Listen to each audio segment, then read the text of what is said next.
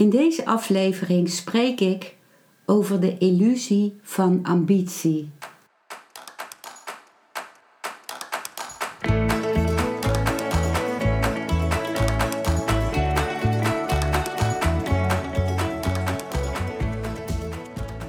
Welkom bij een nieuwe aflevering van Modita's podcast Van Pijn naar Zijn.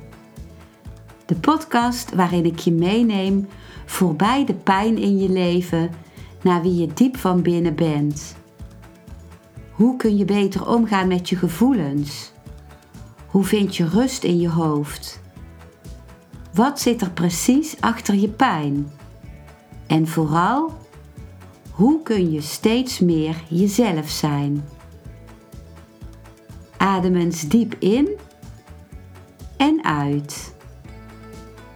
Ik wens je veel luisterplezier.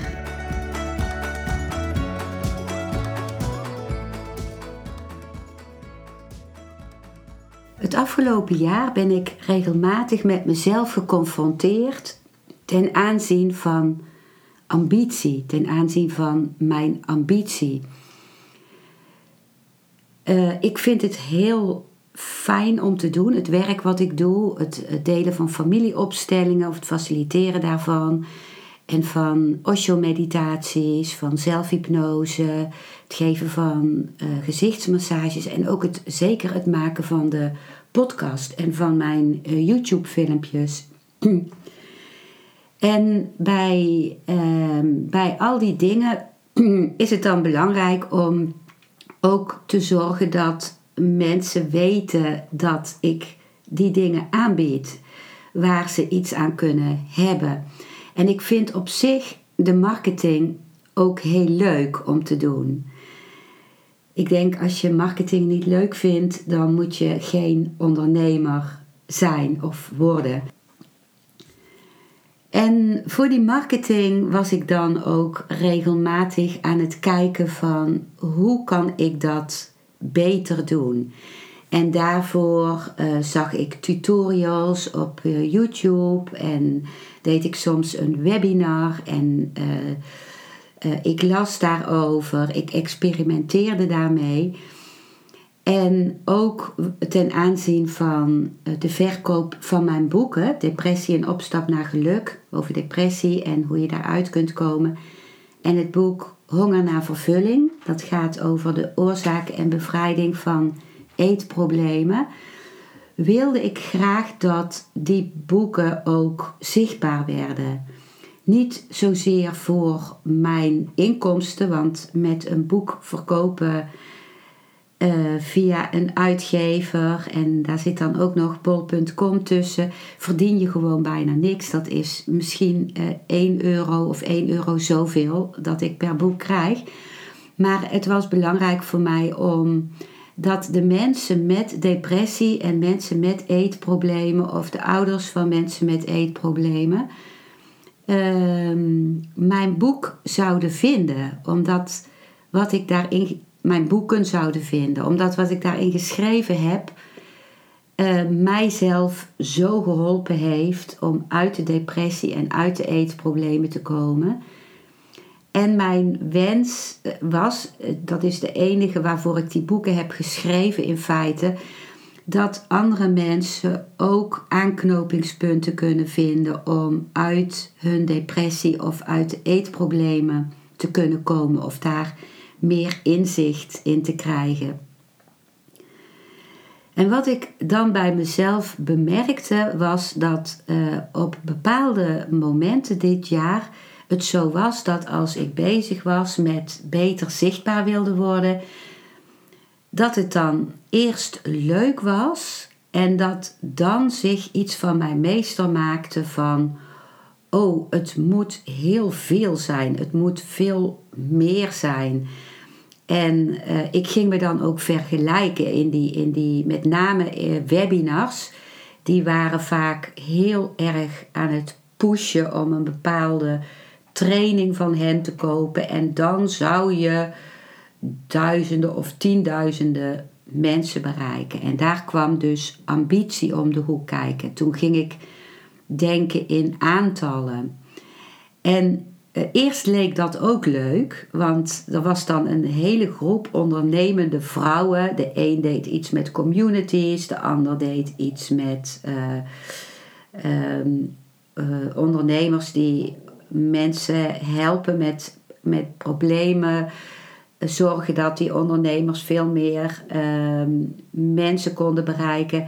En dat waren allemaal hele bevlogen mensen die ook echt de marketing heel goed in elkaar hadden zitten.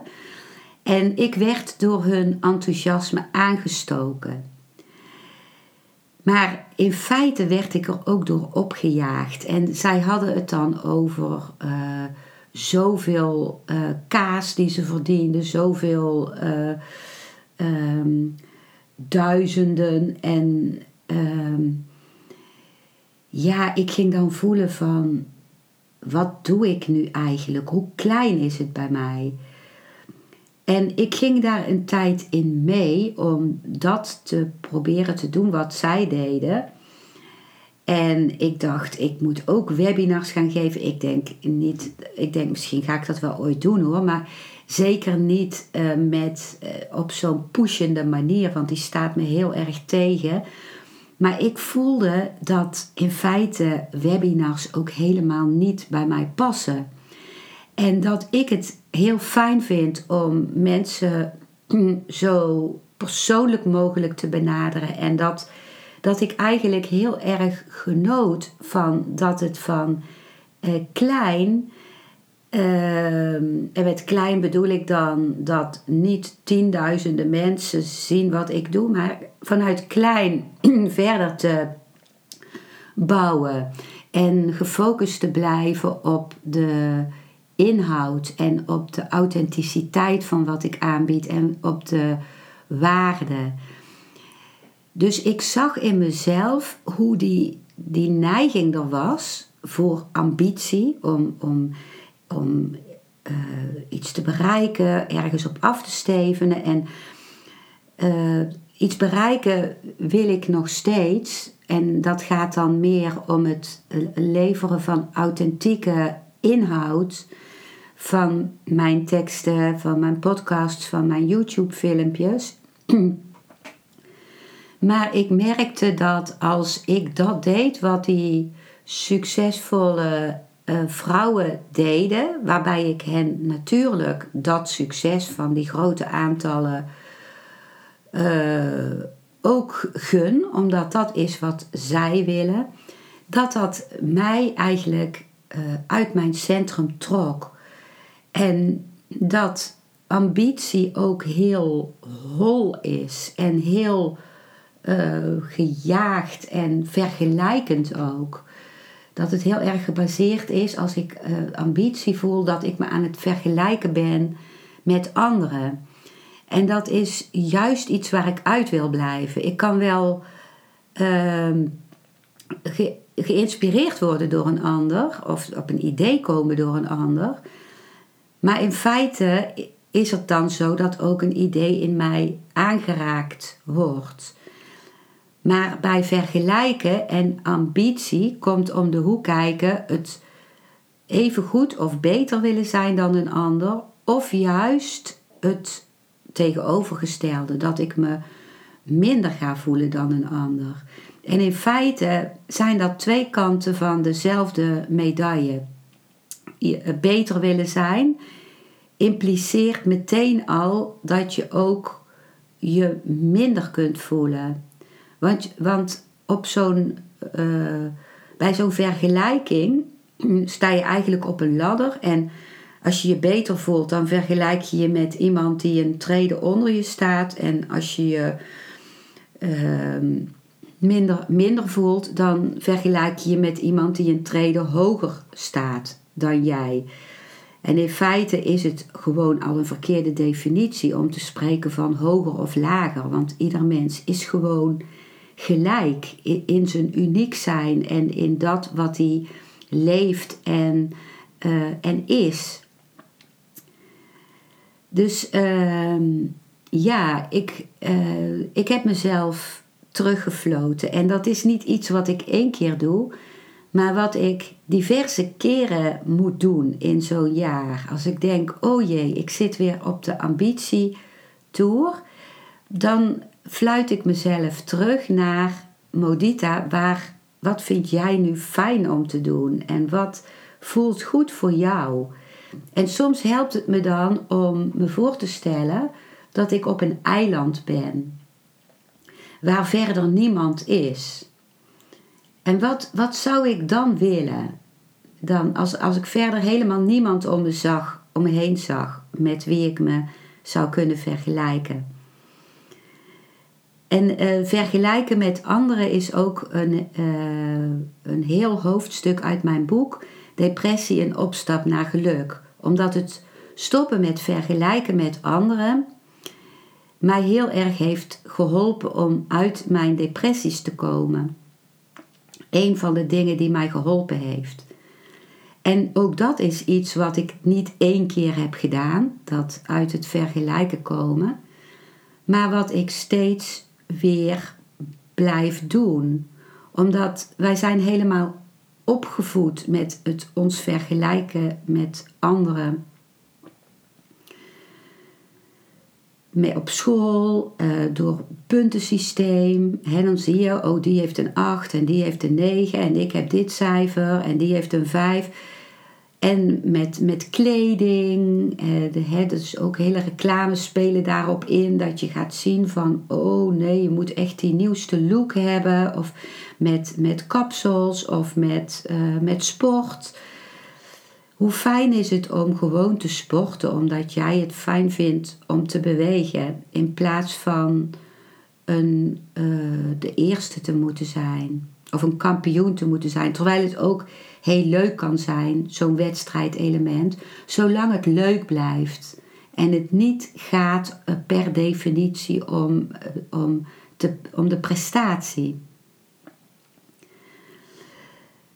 Ik heb ook gezocht wat Osho zegt over ambitie. En ik heb een, een boek ook van Osho wat daar helemaal over gaat. En ik heb een uh, stuk genomen wat dat ik uh, uitgetypt heb, eerst in het Engels en toen helemaal in het Nederlands heb vertaald, omdat ik het zo belangrijk vind om dit stuk te delen van Osho. En dat gaat over de pathologie van ambitie, dus het ziekmakende effect van ambitie. Dus hier komen de woorden van Osho. Alle culturen en alle religies conditioneren je om negatief over jezelf te zijn. Niemand wordt geliefd of gewaardeerd omdat hij gewoon zichzelf is. Je wordt gevraagd om te bewijzen of je van enige waarde bent.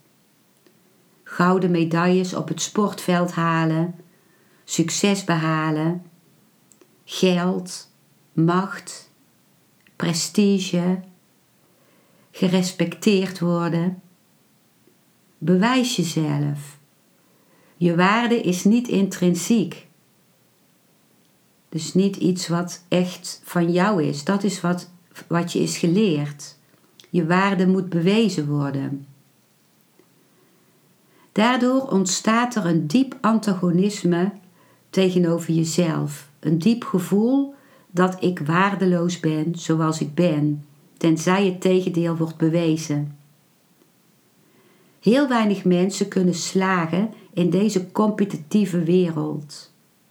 Miljoenen en miljoenen mensen concurreren. Hoe te slagen? Hoeveel mensen kunnen president en premier worden? In een land van miljoenen mensen wordt er maar één persoon president maar diep van binnen hunkert iedereen naar deze baan.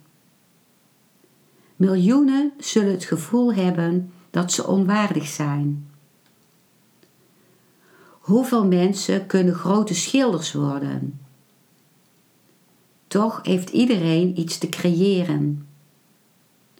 Hoeveel mensen kunnen grote dichters worden, zoals Shakespeare, Milton of Shelley? Toch heeft iedereen wat poëzie aan de wereld te geven.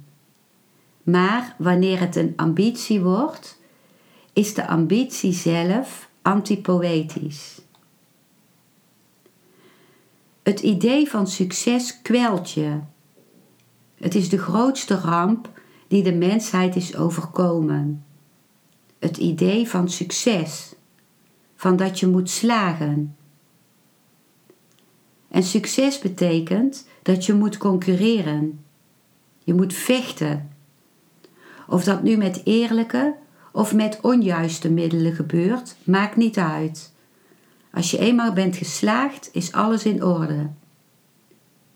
Het belangrijkste punt is succes. Zelfs als je met onjuiste middelen slaagt, als je eenmaal succesvol bent, is alles wat je gedaan hebt acceptabel. Succes verandert de kwaliteit van al je handelingen. Succes verandert onjuiste middelen in goede. Dus de enige vraag is hoe te slagen, hoe de top te bereiken. En natuurlijk kunnen maar heel weinig mensen de top bereiken. Als iedereen de Everest probeert te bereiken, hoeveel mensen kunnen daar dan staan? Er is niet veel ruimte op de top. Slechts één persoon kan daar op zijn gemak staan. De miljoenen mensen die er ook naar streefden, zullen zich een mislukkeling voelen. En er zal zich een grote wanhoop in hun ziel nestelen. Ze zullen zich negatief gaan voelen. Dit is een verkeerde opvoeding. Het is volkomen vergiftigend, deze zogenaamde opvoeding die aan je is gegeven. Je scholen en hogescholen, je universiteiten vergiftigen je. Ze creëren ellende voor je. Het zijn de plaatsen waar een hel wordt gecreëerd. Maar op zo'n manier dat je je er nooit bewust van wordt wat er aan de hand is. De hele wereld is een hel geworden door verkeerd onderwijs. Elk onderwijs dat gebaseerd is op het idee van ambitie zal een hel op aarde creëren. En het is gelukt. Iedereen lijdt en voelt zich minder waardig. Dit is echt een vreemde situatie. Niemand is inferieur en niemand is superieur, want elk individu is uniek. Er is geen vergelijking mogelijk. Jij bent jij en je bent gewoon jij en je kunt niet iemand anders zijn. En dat hoeft ook niet. Je hoeft niet beroemd te worden. Je hoeft geen succes te zijn in de ogen van de wereld. Dit zijn allemaal dwaze ideeën. Het enige dat je nodig hebt is creatief, liefdevol, bewust, meditatief zijn. Als je poëzie in je voelt opkomen, schrijf die dan voor jezelf voor je man, voor je kinderen, voor je vrienden. En vergeet het allemaal. Zing je lied. En als niemand luistert, zing het dan alleen en geniet ervan. Ga naar de bomen en zij zullen je toejuichen en waarderen of praat met de vogels en de dieren. En ze zullen veel meer begrijpen dan mensen die al eeuwenlang vergiftigd zijn met verkeerde levensopvattingen. De ambitieuze persoon is pathologisch. Je voelt je negatief over jezelf omdat je geleerd hebt om je zo te voelen. Je ouders hebben het je aangedaan. Dit is jouw erfgoed. Je leraren hebben het je aangedaan. Je religieuze leiders ook. Je politieke leiders hebben het je aangedaan. En zoveel mensen doen dit. Zoveel mensen doen dit dat je natuurlijk het idee hebt geaccepteerd dat je waardeloos bent. Dat je geen intrinsieke betekenis van waar en waarde hebt. Dat je zelf geen betekenis hebt. Elke ouder zegt tegen elk kind: bewijs dat je wat waard bent. Zijn, gewoon zijn, is niet genoeg. Er is iets nodig om te doen. Mijn hele benadering is dat zijn in zichzelf waardevol is. Alleen al dat je bent is zo'n geschenk van het bestaan. Wat wil je nog meer? Alleen al het inademen van dit prachtige bestaan is voldoende bewijs dat het bestaan van je houdt, dat het je nodig heeft. Anders zou je hier niet zijn. Jij bent. Het bestaan heeft je gebaard. Er moet een enorme behoefte zijn geweest en jij hebt die leegte opgevuld. Zonder jou zou het bestaan minder zijn.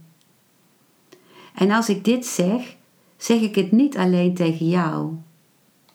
Ik zeg het tegen de bomen, tegen de vogels, tegen de dieren, tegen de kiezelstenen aan de kust.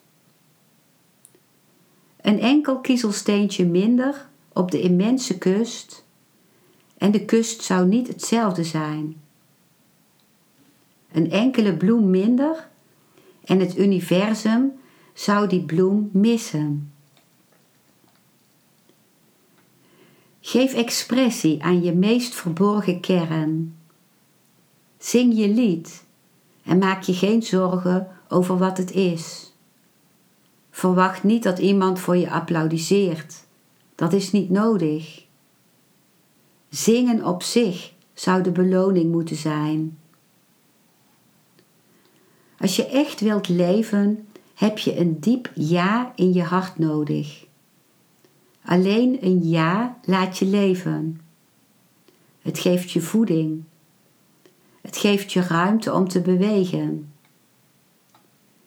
Kijk maar, zelfs als je alleen al het woord ja herhaalt, begint er iets in je open te gaan. Zeg nee en er krimpt iets. Zeg nee, herhaal nee en je doodt jezelf. Zeg ja en je voelt dat je overstroomt. Zeg ja en je bent klaar om lief te hebben, te leven, te zijn. Voor mij is elk individu fantastisch, uniek ik vergelijk geen individuen. Vergelijken is niet mijn manier.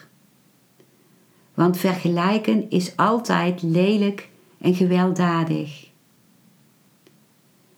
Ik zal niet zeggen dat je inferieur bent aan wie dan ook. Je bent gewoon jezelf. En je bent nodig zoals je bent. En jij bent onvergelijkbaar zoals iedereen dat is. Dat waren de woorden van Osho. Waar ik ook aan dacht bij dit onderwerp is het verhaal, of het, het, het verhaal wat helemaal, uh, waar helemaal een boek van is, uh, van Herman Hesse en dat heet Siddhartha. Misschien ken je het. Ik vind het een prachtig boek. Het is een boek wat hele lange tijd voor mij een soort bijbeltje is geweest. En nog steeds denk ik er heel vaak aan terug. En uh, het is lang geleden dat ik het gelezen heb, maar wat, wat ik me van herinner, is dat het, het is in feite het verhaal van Boeddha. En Boeddha heette voorheen ook Siddhartha. En uh, Siddhartha is, uh, groeit op als een prins, uh, zoon van een koning. En die is dus heel rijk. En hij, uh, hij uh, maakt feesten mee. Hij ontmoet heel veel vrouwen. Hij ontmoet alle geneugdes van het leven. En uh, de koning wil niet dat hij lijden ziet. Dus die houdt hem ook weg van het lijden. En op een gegeven moment, als uh, Siddhartha heeft dus dat hele prinsenleven en dat, die luxu, dat luxueuze en het genieten heeft hij helemaal geleefd. En dan ziet hij op een gegeven moment, uh, als ze uh, in een rijtuig door de stad trekken en alle mensen uh, langs de kant staan om naar hen te wuiven, ziet hij een, ehm, een hele oude man die nauwelijks kan lopen nog met een gerimpeld gezicht en gebrekkig. En dat heeft hij dus nog nooit gezien. Daar is hij altijd van weggehouden. En dan, uh, uh, dan gaat hij daar naartoe en dan gaat hij aan die man vragen van eh, waarom hij zo is. En die man zegt, ja, ik ben oud en ik ga bijna dood. En later ziet Siddhartha ook iemand die gestorven is. En dan ziet hij ineens dat, dat uh, dan gaan zijn ogen open, dat al die luxe, dat dat niet het leven is, dat, dat, dat, dat er ook de dood is. En hij gaat het leven zien in het kader van dat je sterft, dat je sterfelijk bent. En uiteindelijk uh, verlaat hij dat kasteel, dus de in het verhaal van Boeddha verlaat Boeddha ook uh, zelfs zijn vrouw en zijn pasgeboren kind midden in de nacht. Maar in dat uh, boekje van Herman Hesse, of dat boek over Siddhartha, dan gaat Siddhartha allerlei dingen proberen die hem bij het echte leven brengen. Bij, hij wil weten wat de kern is van het echte leven. En hij gaat, uh, uh, hij gaat een bepaalde fase gaat hij handel drijven. Hij wil kijken hoe het zelf is om handel op te zetten en om in de marktplaats te zijn, in de markt met andere handelaren en uit te wisselen en uh, te kijken hoe het is om, om daarvan rond te kunnen komen alleen. Dat is dus in het boekje van Herman Hesse zo bij die Siddhartha. En op een gegeven moment ziet hij dat, dat, dat hem dat niks brengt. Hij, ook al verdient hij geld en is het hem gelukt en heeft hij goudstukken. En het brengt hem gewoon niks. Het brengt hem niet bij zijn innerlijke kern. En dan trekt hij het bos in en hij helemaal in isolatie en hij gaat vasten hij wordt echt zo dun als een geraamte. Hij eet bijna niks. Hij wil tot de kern komen, ook door niet meer afhankelijk te zijn van voedsel. Hij, wil, uh, hij mediteert, hij, hij um, gaat uh, diep bij zichzelf met zijn aandacht naar binnen. En ook na vele jaren dat gedaan te hebben, ziet hij dat dat hem ook niks brengt. Hij heeft zijn lichaam uitgeput, zijn lichaam is ziek, uitgeput, afgemat. Hij heeft ook nauwelijks energie nog om met zijn aandacht naar binnen te gaan. En waar hij uiteindelijk naar verlangt en wat ik zo mooi vind, wat mij het meeste aanspreekt in dit uh, boek en van dit verhaal, is dat hij een kindmens wil zijn. En met kindmens, hij ziet de mensen om zich heen, hoe die leven, hoe die lief hebben, hoe die ook ruzie maken, maar ook verbonden zijn en hoe ze, hoe ze eh, worstelen met, met, uh, met ziekte en met uh, dood, en met, maar ook hoe ze plezier hebben en genieten en dansen. En hij heeft steeds iemand willen zijn die beter is dan die ander.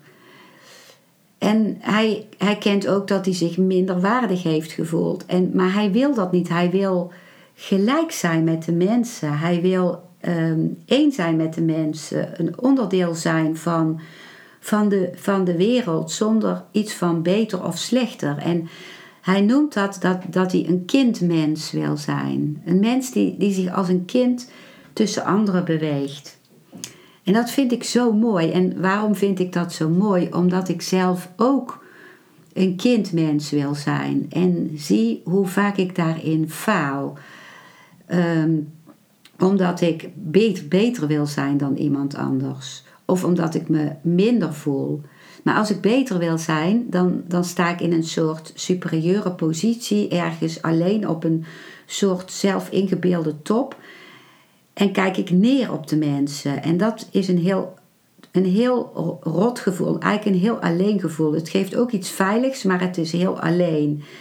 En minder waardig voelen, dan, dan stel ik alle, allemaal andere mensen boven mij. En dan, dat voelt ook als heel buitengesloten. En kindmens zijn vind ik best wel moeilijk om, om, om me echt te bewegen tussen anderen als gelijke, om gelijk te zijn en om tegelijkertijd uniek te, blij, te blijven, om, om gewoon ehm, mezelf, mijn authenticiteit te houden. Dus niet gelijk zijn in de zin van uh, als een schaap met anderen meelopen of, als, uh, of concessies doen of allerlei aanpassingen doen om maar hetzelfde te zijn als een ander. Dat bedoel ik er dus niet mee. Ik bedoel een kindmens uh, staande tussen alle andere mensen die allemaal een andere kleur hebben. En uh, ja, en hoe gaat dat verhaal nu verder van Siddhartha? Hij op een gegeven moment uh, uh, komt hij bij een rivier en moet hij die oversteken, want hij verlaat dus die ascese. Hij gaat weer eten en hij gaat weer uh, kleren kopen, want als asceet was hij bijna naakt of had hij alleen een paar lappen om zich heen. En dan um, gaat hij dus weer naar de, de stad en um, ja, uiteindelijk krijgt hij ook een, uh, krijgt hij ook een vrouw en krijgt hij ook een, een kind. En hij wil voor dat kind gewoon het allerbeste. En hier laat mijn, mijn geheugen me eventjes in de steek. Hier weet ik niet precies hoe het met het kind verder ging. Maar ik raad je van harte dat boek aan van uh, Siddhartha. Uh, ik zal het ook opnemen in de beschrijving onder deze aflevering.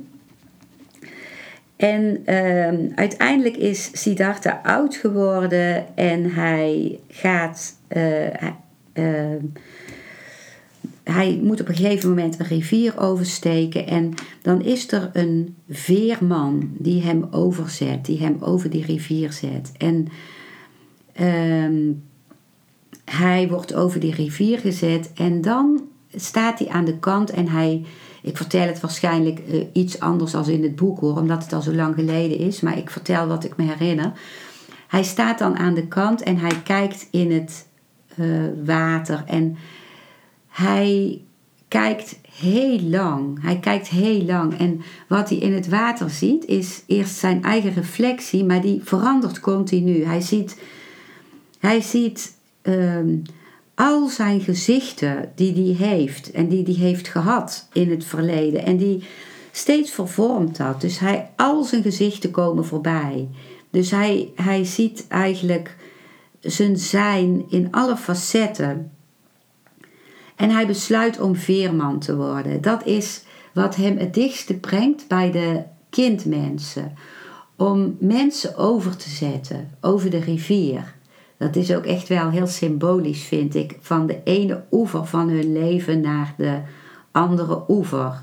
Dus van, ik, ik vertaal het voor mezelf, zo staat het denk ik niet in dat boek, maar van de oever van het, het, het, het zijn in de meer materiële wereld en met de ambities en met alle, al die dingen, al het soort uh, dingen die we om ons heen gebouwd hebben, naar de andere oever van het zijn van wie we in werkelijkheid zijn. Maar het is een hele nederige job die hij heeft. Het overzetten van mensen. Hij ontmoet ze even op die boot en soms vertellen ze hun iets van hun leven. En dan, als hij ze afgezet heeft, dan, dan, dan ziet hij ze niet meer.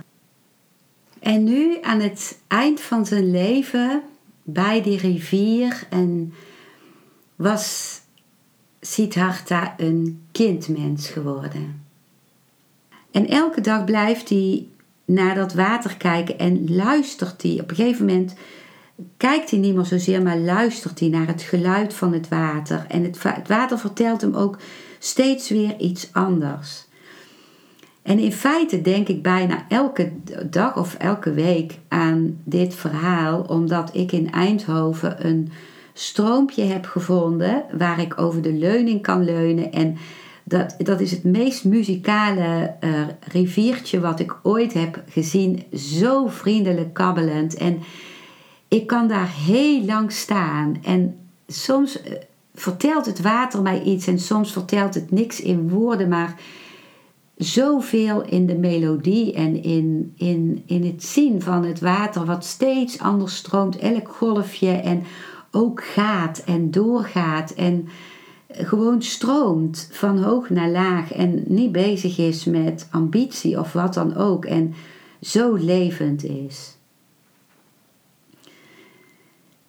Ja, dat is wat ik in deze aflevering met je wilde delen. Dankjewel voor het luisteren naar deze aflevering. Ik hoop dat hij je een nieuw inzicht of perspectief heeft gegeven. Ik hou van interactie, dus als je iets wilt delen, stuur me dan een mailtje op info@genietenvanmeditatie.nl.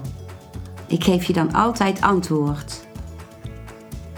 Ik wens jou dat je vreugde in het dagelijks leven zult ervaren en innerlijke rust en dat je steeds meer je pijn zult kunnen omvormen in zijn. Je kunt de afleveringen van deze podcast volgen via Spotify, Google Podcast, Apple Podcast en Podbean door op de volg- of abonneerknop te klikken. Als je luistert via de Apple Podcast, dat kan alleen als je een iPhone hebt, heb je een extra voordeel omdat als je op de knop abonneren klikt, je steeds een berichtje op je mobiele telefoon ontvangt als er weer een volgende aflevering van mijn podcast verschijnt. Je bent van harte welkom bij die volgende aflevering.